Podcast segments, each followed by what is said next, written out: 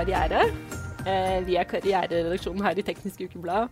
Så her i huset er det mye saker om olje og solceller. Men vi er de som skriver sakene 'Fem ting du må si til sjefen for at lønna skal opp'. Jeg er Kjersti Flugs Eriksen, og jeg sitter her sammen med min gullkollega Tuva Strøm Johansen. Hei, hei. Og så er vi Vi har med oss en gulldame. Kommunikasjonsekspert eh, Synnøve Erland. For å snakke om starten på jobbintervjuet. Svaret på den vanlige 'fortell litt om deg selv'. Men først, Synnøve, hva er det som er jobben din? Jeg jobber som foredragsholder, som rådgiver, med fokus på kommunikasjon. Har drevet mitt eget selskap i elleve år. Og syns det er vidunderlig at det nå er et levende publikum igjen. Eh, en heispitch som vi skal snakke om i dag, hva er det for noe? En heispitch er en kort presentasjon av deg sjøl og om din kompetanse. Noe som skal gjøre at du klarer å overbevise noen om at de har lyst til å samarbeide med deg. Sånn veldig kort. Ja. Uh, ja. Altså, jeg har prøvd å lage en heispitch, da, siden vi Ja. skulle snakke med deg i dag. Ja, så kult. Uh, vil du høre den? Gjerne. Da, da ser vi for oss at eh, jeg vil ha jobb i Equinor. Ja. eh, og du er da nå Anders Oppdal, eh, Ok. konsernsjefen. Da skal jeg pitche til deg. Ja. Hei, du er Anders Oppdal, han er konsernsjefen i Equinor, ikke sant? Jeg jobber i Teknisk Ukeblad, skjønner du, så jeg vet hvem du er. Um, jeg heter Tuva, da, og jeg er i slutten av 30-årene, så jeg har litt sånn dårlig tid med tanke på barn og sånn, da. Men jeg føler meg som 20. eh, Nesten sånn akkurat som jeg gikk ut fra Fagbord videregående skole. Jeg gikk forresten på Lilleaker barnehageskole og Øraker ungdomsskole, så vestkanten og heia olje, det Ja. Eh, Men jeg har skikkelig lyst på jobb hos dere. Er det noe ledig i kommunikasjonsavdelingen, eller? Fordi jeg skrev en stil om fornybar energi på engelsk skriftlig eksamen på videregående. Eh, så jeg har litt erfaring innen det feltet. Eh, og så har jeg jobbet på Coprix og Kiwi i kassa. Da. Det var litt sånn kjedelig, og jeg forsov meg alltid til de vaktene som starta klokka sju. Så sånn kjernetid fra tidligst ni, det, det er det jeg søker etter. Da.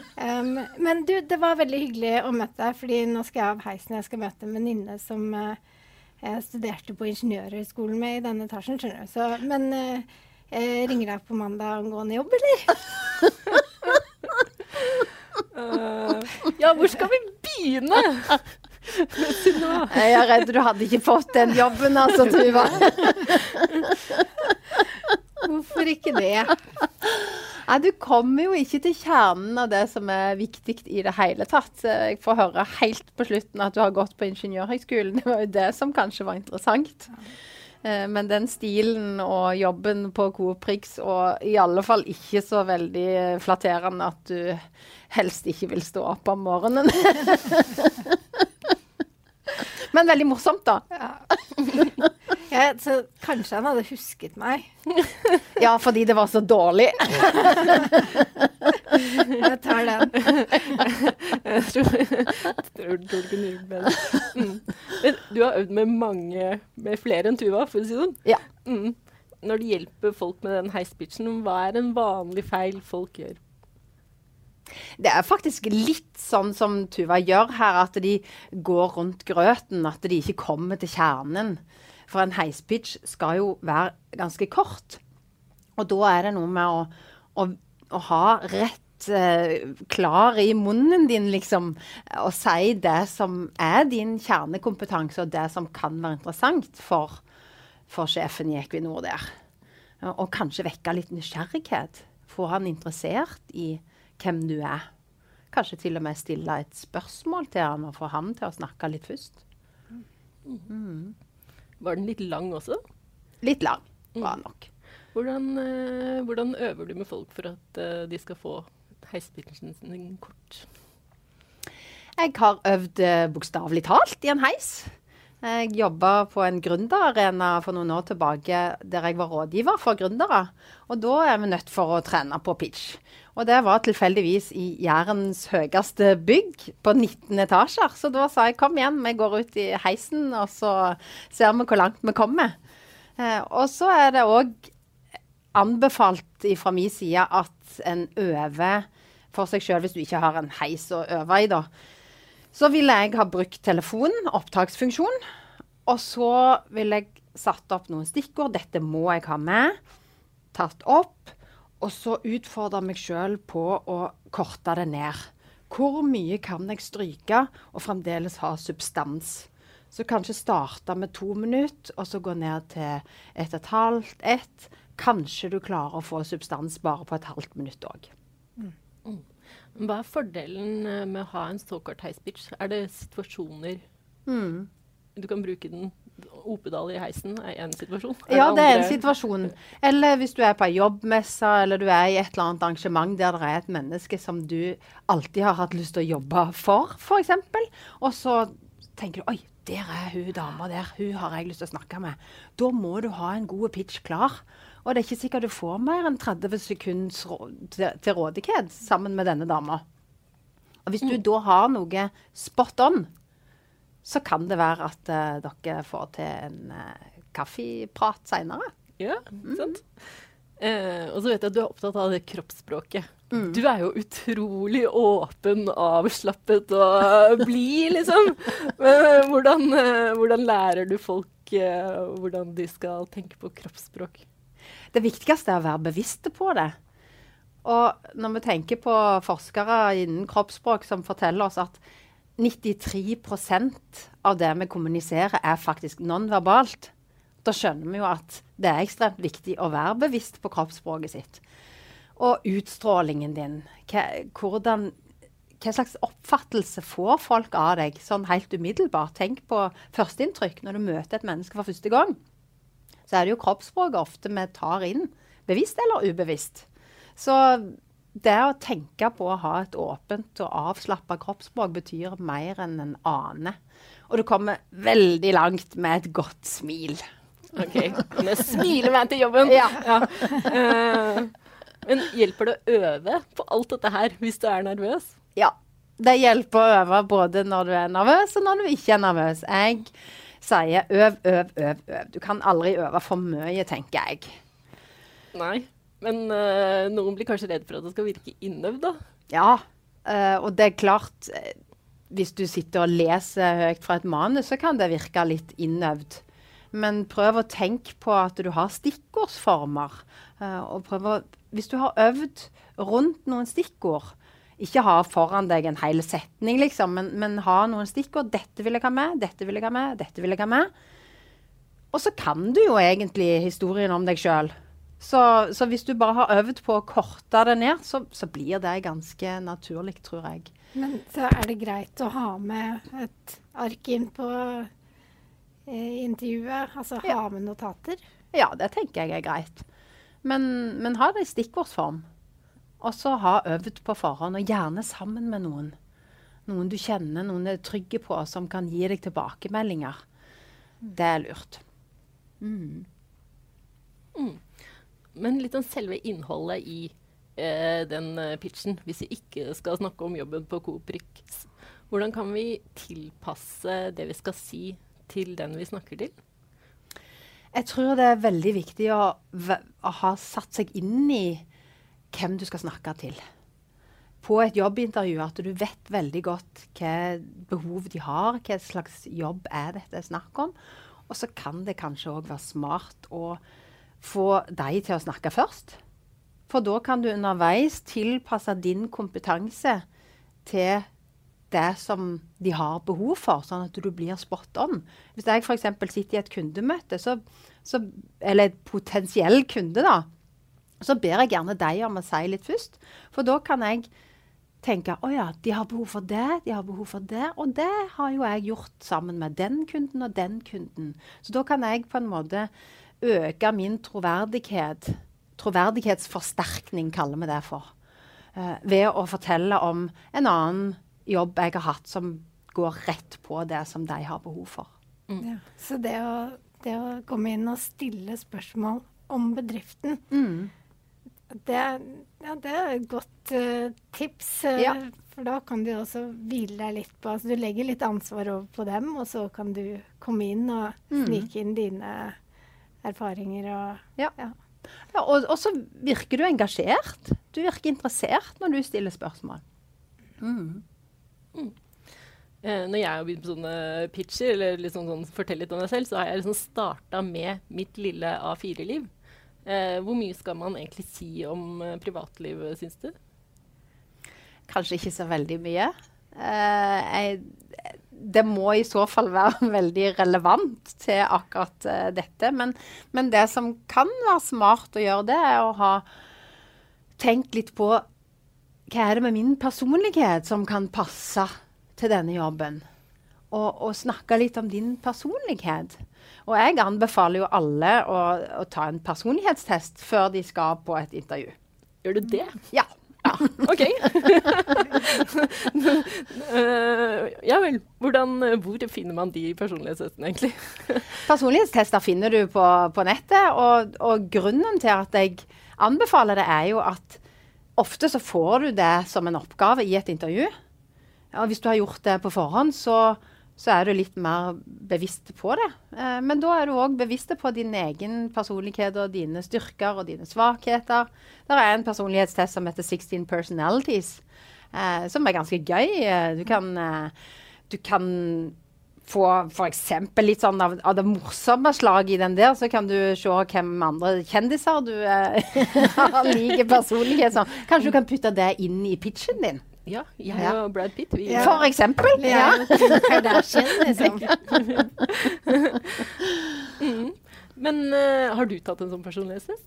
Ja, jeg har tatt uh, 16 personalities og brukt den både ut med kunder òg, i ledergrupper og sånt.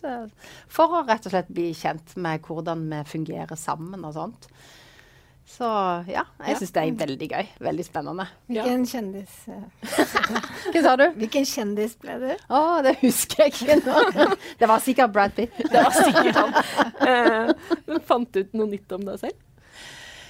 Ja, litt sånn utfordringer for en vite òg, som er bra å liksom ha litt bevissthet rundt. Uh, og så fikk jeg vel òg bekrefta dette med min ekstroverthet. Jeg var bare ikke klar over at den var såpass uh, sterk, for jeg var faktisk 100 ekstrovert. Oi. Hvordan var koronatiden? Nedstenging? Nei, jeg får jo energi av å være sammen med folk, så, så korona har vært litt kjip. ja. Eh. dette her med å si, snakke om privatlivet sitt altså, ja. Jeg skvisa jo inn i min pitch at det er i slutten av 30-årene og uh, må rekke å få barn. Ja. Hvordan er det å si? Dessverre så er nok kanskje ikke det så uh, lurt. For vi vet jo at fremdeles så er det uh, arbeidsgivere som ikke er så keen på å ha kvinner i akkurat den alderen, fordi det er mye styr med at de skal ha svangerskapspermisjon og alt det der. Sånn burde det ikke være, uh, men sånn er det nok dessverre. Så jeg tror ikke jeg ville tatt med det i en pitch, nei. nei. Eller så ser de jo alderen din og tenker kanskje at muligens hun kommer til å ha noen permisjoner. Men det skal jo ikke ha noe å si. Nei, altså vi har jo en diskrimineringslov. Ja, vi har det. Den burde alle følge. Mm. Ja. Mm. De har i hvert fall ikke lov til å spørre. Nei. Nei. Eh, jeg vet også, og nå gjorde jeg det faktisk Jeg sa eh, jeg vet også. Jeg sier mye eh.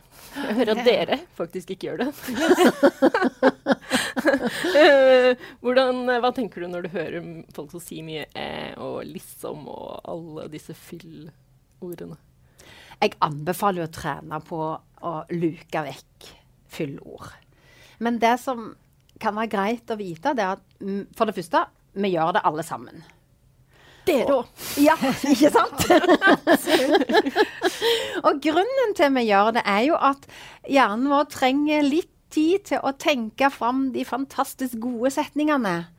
Og da eh, tar vi på en sånn en mens vi tenker. Men for å bli enda tydeligere i språket ditt, så anbefaler jeg å heller ta en liten pause. i stedet for å putte på mange fyllord. For da blir budskapet ditt mye klarere og tydeligere. Det hørte du nå når jeg sa det jeg sa nå. Ja. Ja. Men blir det ikke litt irriterende når du har øvd på dette her, å høre på alle de som fortsetter som før? Jo, jeg er jo litt yrkesskada når jeg sitter og hører på folk på en, på en scene som har mange fyllord, så kan jeg henge meg litt opp i det. Men det er jo ikke bare meg som gjør det. Alle kan risikere å henge seg veldig opp i sånne ting. Så det er òg en grunn til å prøve å luke det vekk. Ja. Ja. Uh, eh, nå er jo du vår nye heispitch-guru, ikke sant, Tuva? Ja. ja. Eh, kan vi få høre din heispitch? Det kan dere. Har du tenkt på at alt egentlig handler om kommunikasjon?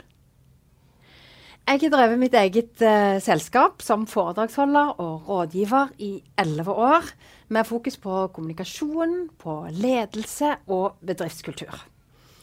Og jeg har hatt noen ganske store kunder opp gjennom årene, bl.a. Shell og Microsoft. Og noen av tilbakemeldingene som jeg har fått, er at jeg gir konkrete råd. At jeg forstår og tilpasser oppdraget til kunden sine behov. At jeg er kunnskapsrik, og at jeg har en god tilstedeværelse. Og den håper jeg dere kjenner her nå. Ja, det gjør vi.